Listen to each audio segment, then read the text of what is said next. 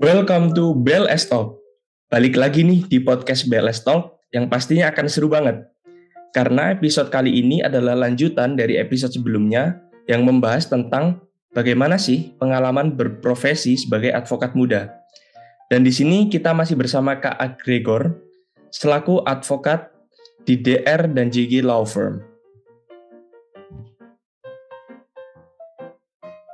Gimana nih Krisna, kamu masih penasaran gak nih kelanjutan terkait dengan cerita, jawaban, dan pengalaman dari Kak Gregor terkait dengan tema kita?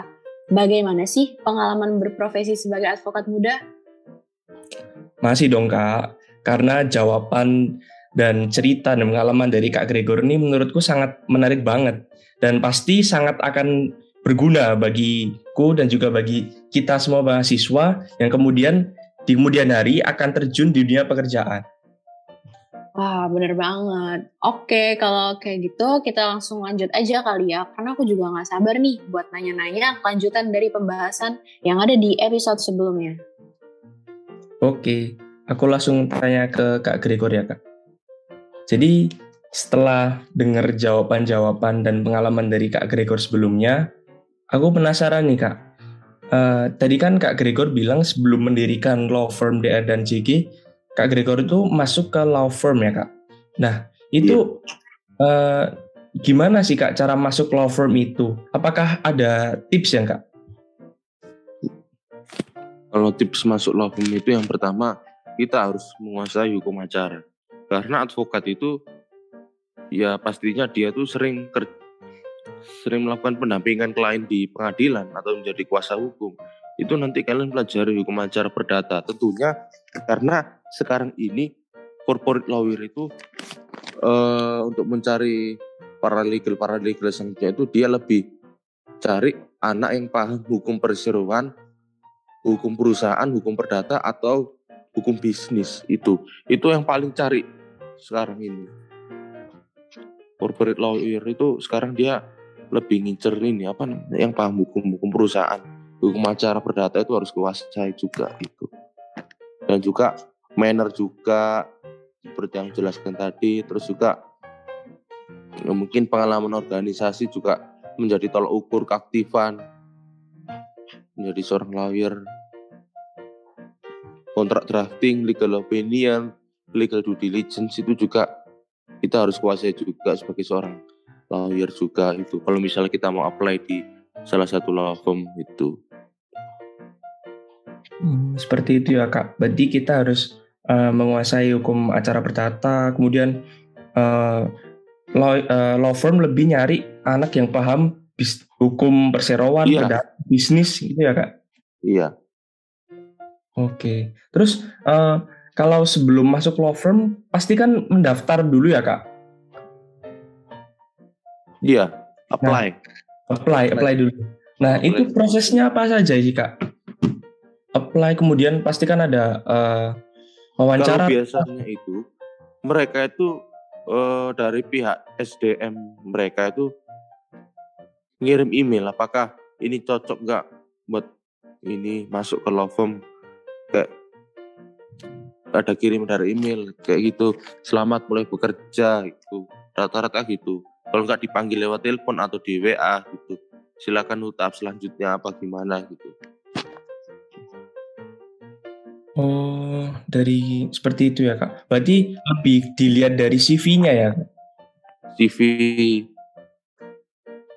sama pengalaman lomba itu juga poin plus juga itu kayak contoh katakanlah juara kontrak drafting, juara legal opinion competition, NMCC juga penting gitu. Seperti itu ya kak. Jadi law firm ini melihat uh, ke pengalamannya anak ini ya kak? Ya Oke. Uh, aku lanjut ke next question ya, Kak. Ya. Jadi di law firm tempat Kak Andrian bekerja yang sekarang yaitu DR dan J Law Firm, apakah ada spesialisasi khusus dari Kak Gregor terkait kasus yang ditangani, Kak? Misal korporasi atau pidana atau apa, Kak? Kita pidana, perdata juga ngurus, agraria juga ngurus. Ini. Kak, tapi kita nanti ke depan ini lebih fokus ke corporate ke perusahaan-perusahaan. Karena seperti yang jelaskan tadi, DRJK Law ini nanti ke depannya mau fokus menjadi in-house lawyer dari suatu perusahaan. Itu. Oh, seperti itu ya, Kak. Jadi Iya. ke depannya lebih fokus ke corporate lawyer, fokusnya lagi ke in-house lawyer. Iya. Kenapa, Kak? Kok lebih fokus ke in-house lawyer daripada bidang-bidang yang lain, Kak? Kenapa Kak Gregor milih lebih milih ke in-house lawyer? Karena ya sebagaimana kesukaanku adalah minat hukum bisnis ya lebih enak gitu kok ada klien. Tetap itu kan rasanya kan kayak ada kayak kepercayaan penuh dulu dari orang lain gitu. Dari aku sih itu sih. Kalau ada klien tetap itu merupakan aset ke depan itu kalau klien itu kan. Supaya tahu dia nanti memproyeksikan firm ini ke depan ini jadi untuk aset ke depan untuk kolaborasi dengan lain untuk sebagai penunjang kesuksesan suatu perusahaan itu kalau dari aku Jadi lebih ke long termnya ya, Kak. Jadi klien itu percaya gitu ya, Kak ya? iya Oke. Eh, lanjut ke pertanyaan selanjutnya. Jadi kasus apa sih Kak yang biasa ditangani oleh Kak Gregor sebagai advokat muda nih? kemarin kita lagi ngurus ini eh seorang pekerja yang mau mengajukan gugatan ke perusahaannya. Jadi kemarin itu kita mau koordinasi sama Disnaker kan. Ini kalau jadi dalam arti kita mau menyelesaikan ini apa sengketa di Disnaker kan di Disnaker itu kan mediasi dulu. Baru kalau mediasi gagal lanjut ke pengadilan hubungan industrial itu kemarin itu. Tapi sampai sekarang dari pihak lawan belum ada jawaban gitu. Disnaker belum kita belum ke Disnaker lagi. Ya karena dari lawan itu belum ada jawaban itu ke mana gitu kan kemarin lawan itu ngasih tiga opsi mediasi gitu. Kemarin perkara-perkaranya ya lumayan marah gitu. Kemarin pekerja kami resign habis itu dia dikenakan denda penalti yang tidak wajar gitu. Terus yang kedua gini kita uh, ngurus perkara perdata di Pengadilan Negeri Surabaya itu. Terus ketiga lagi ngurus laporan 378 372 KUHP di Polrestabes Surabaya dan juga banyak perkara lagi yang kutangani itu. Oh seperti itu ya Kak. Jadi eh, kasus-kasus yang Kak Gregor tangani ini eh, banyak ya Kak. Mulai Iya. dari eh, eh, yang pekerja mengajukan gugatan ke Disnaker, kemudian perdata dan 378 379 tadi ya Kak. Iya. 378 372 penipuan dan atau penggelapan. Oh, Juga lagi ngurus ini. Kemarin kan aku dapat klien retainer tetap nih dua tahun itu di DRJG ya. Itu nanti aku memproyeksikan dia ke depan itu jangka panjang supaya dia perusahaannya bagus ya kita harus tetap kawal terus ini perusahaannya ini. ya Kak. Semoga eh, sukses terus ya Kak ke depannya. Ya, nanti November ini dan rencananya DRJK membuka anak-anak magang yang ingin tertarik belajar jadi dunia hukum bisnis itu seperti apa, in-house itu seperti apa, hukum pidana seperti apa. Itu nanti November aku buka sama partnerku nanti. Hmm, membuka magang. Itu untuk eh, umum atau gimana Kak? Untuk umum Sama lowongan untuk paralegal kan beda paralegal sama magang itu. Jadi magang itu yang buat mahasiswa adik-adik maba itu.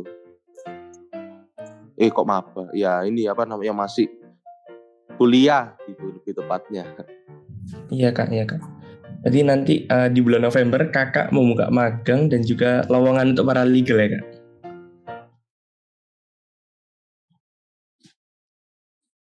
Oke, semoga lancar ya Kak. Baik, menarik banget ya Kak Gregor. Eh, nanti November niatnya akan membuka magang bagi mahasiswa-mahasiswa. Mungkin nanti kita bisa eh, magang di situ juga ya Kak. Iya, nanti kalian juga ke pengadilan, ke Polrestabes, ke kantor polisi, cara kita membuat laporan, cara kita melakukan komunikasi dengan penyidik itu juga penting juga. Gitu. Karena aku tambahin lagi ya, ntar ya. Eh, seorang lawyer itu dia harus bisa berkomunikasi dengan baik. Cara dia menarik atensi itu bagaimana agar bukan hanya melalui perkara ini jalan dengan mulus atau gimana, tapi bagaimana cara kita ini meyakinkan orang lain itu loh untuk agar kita mau kepada kita atau agar kita bisa menjadi sumber kepercayaan bagi orang itu bagaimana. Karena dalam Undang-Undang 18 tahun 2003 mengenai advokat, itu advokat itu tidak boleh serta-merta menawarkan jasa hukum kepada teman-teman lain. Itu termasuk bagian daripada pelanggaran kode etik itu. Caranya gimana? Ya ini cara kita meyakinkan orang lain itu tidak boleh seperti seorang sales itu sih. Itu yang berbeda dengan uh, ilmu ekonomi. Kalau ilmu ekonomi kan pasti dia belajar mengenai marketing, tapi advokat itu diharamkan melakukan memasarkan jasa hukum. Ada nanti kalian coba cek di Undang-Undang 18 tahun 2003 itu. Tapi caranya kalian itu meyakinkan bagaimana cara orang itu ke kita ini bagaimana kepercayaan itu. Mulai dari manner, mulai dari sikap, mulai dari cara kita argumentasi itu nanti orang lain datang pada kita. Ada pepatah mengatakan klien itu datang pada kita itu bukan kita mencari klien tapi klien itu datang pada kita itu baik kak uh, tapi uh, kalau aku mau kalau boleh tahu pada ya. prakteknya ya. itu uh, ada nggak kak yang menawarkan jasa hukum seperti uh, ekonomi gitu kak jadi menawarkan jasa hukumnya bukan klien yang menghampiri kita tapi pengacaranya ya yang maksudnya gimana pengacaranya menaruhkan gitu Iya, menawarkan. Oh, banyak sekali Davina, banyak. Berarti kalau untuk hal tersebut itu sebenarnya tidak boleh dan sudah dilarang ya kak di ya, undang-undang yang tadi. Katakanlah kita ngasih proposal, contohnya ngasih brosur itu sebenarnya nggak boleh gitu. Hmm, baik kak. Lalu uh, tadi juga uh, kak Gregor kan sudah memberikan kasus-kasus apa yang sedang dikerjakan. Nah, yeah. kira-kira kasus apa sih yang paling cukup, yang paling sulit atau cukup berkesan yang pernah ditangani oleh Kak Gregor? Mungkin bisa diceritakan. Perkara. Ini pelaku ini sudah diputus pidana oleh Pengadilan Negeri Surabaya dan berkekuatan hukum tetap inkrah. Tetapi klien ini minta untuk aset ganti kerugiannya itu kembali aset-aset atau hartanya itu. Ini sedikit ilmu ya. Jadi teman-teman ini sudah ambil hukum acara pidana teman-teman di sini ya. Sudah kak. Nah, setelah pelaku itu diputus pidana, boleh tidak seorang pengacara itu menggugat PMH atas dasar terdakwa itu melakukan kerugian dengan cara uh, aset-aset aset-aset seorang pelapor ini dibawa lari. Contoh katakanlah 378, 372 KUHP. Nah, terus pelaku ini digugat dituntut pidana. Itu sebenarnya bisa. Karena ada salah satu pasal atau di Perma 159 itu menjelaskan bahwa gugatan perdata terhadap pelaku tindak pidana itu bisa diajukan di pengadilan negeri atau nama lainnya gugatan in rem gugatan mengenai penarikan aset-aset itu tentunya. Oh, berarti itu cukup menarik banget ya Kak Itu cukup menarik juga. Itu sulitnya minta ampun, Davina. Dalam arti kita harus mencari tahu uang yang masuk berapa, uang yang masuk ini berapa. Itu sulitnya minta ampun tapi karena uang itu pasti kan ke mana-mana kalau dibawa sama pelaku tidak pidana. Ada yang dia taruh modal ke sini taruh modal ke mana itu yang sulit juga. Dan gugatannya itu PMH karena ada kerugian. Baik kak. Uh, lalu uh, karena ini kasusnya yang cukup sulit dan uh, perlu membutuhkan pihak yang banyak itu kira-kira pihak apa aja yang dibutuhkan ya? Atau uh, advokat saja cukup? Advokat saja pastinya tentunya. Tapi kita juga minta tolong ke instansi, ke kepolisian, kejaksaan untuk menelusuri aset itu kan bisa. Hmm. Baik kak. Uh, kemudian untuk putusan akhirnya bagaimana ya kak untuk kasus ini? Belum, ini belum kita gugat, cuman kita masih identifikasi dulu. Hmm, berarti masih dalam proses identifikasi ya kak. uh, sama mau buat gugatannya dulu. Oh baik kak. Oke. Untuk uh, pertanyaan selanjutnya mungkin ya, selama Iya. Kak Gregor menjadi advokat ini apa sih kesulitan atau rintangan yang biasa ditemui sehari-hari? Ya, pastinya mempertahankan prinsip juga itu karena banyak sering kali kita lihat praktik-praktik itu banyak menyimpang dari aturan itu banyak juga itu yang kita harus hati-hati itu di pengadilan. Contoh kemarin itu kan ada berita nih seorang pengacara kena OTT KPK karena dia menyuap hakim agung di mahkamah agung itu. Nah itu kita harus hati-hati juga itu.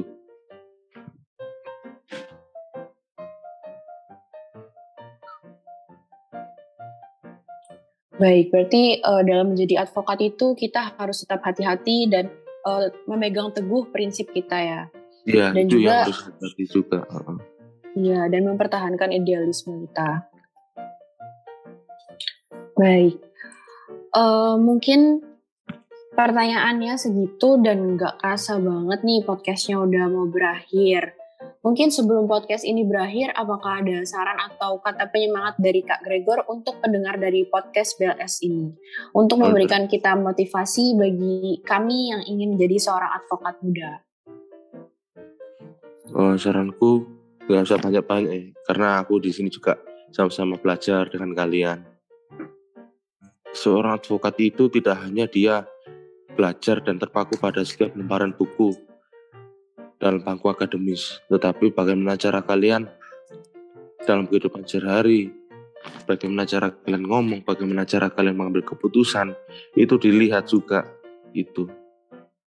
Kalau kita terpaku pada bangku meja akademis dan setiap lembaran-lembaran yang tercantum dalam buku, ya nanti kita ke depan ya dunianya itu aja. Bagaimana nanti kalian menjadi advokat tapi kalian tidak mampu terjun kepada lap- ke lapangan itu emang sulit.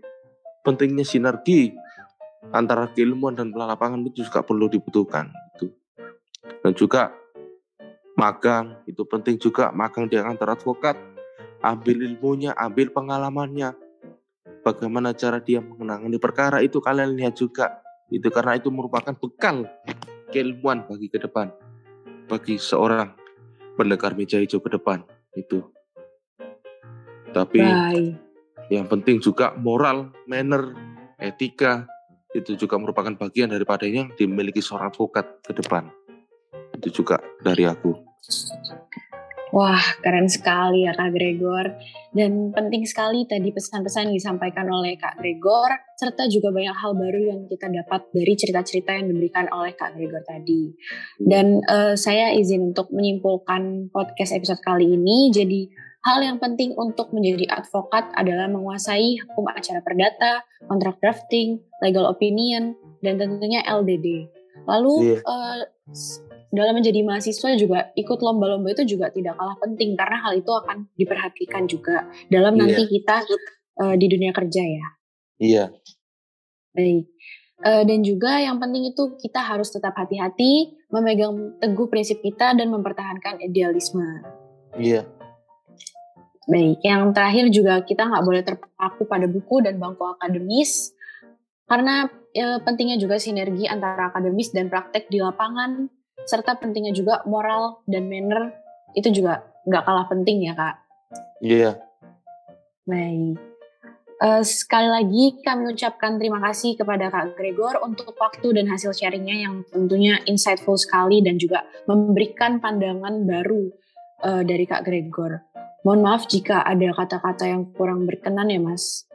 iya baik Davina Sebelum kami akhiri podcast ini, kami sebagai MC turut mengucapkan terima kasih banyak kepada para pendengar setia BLS, juga kepada Kak Gregor yang sudah menjadi narasumber. Kami pamit undur diri, see you on the next episode.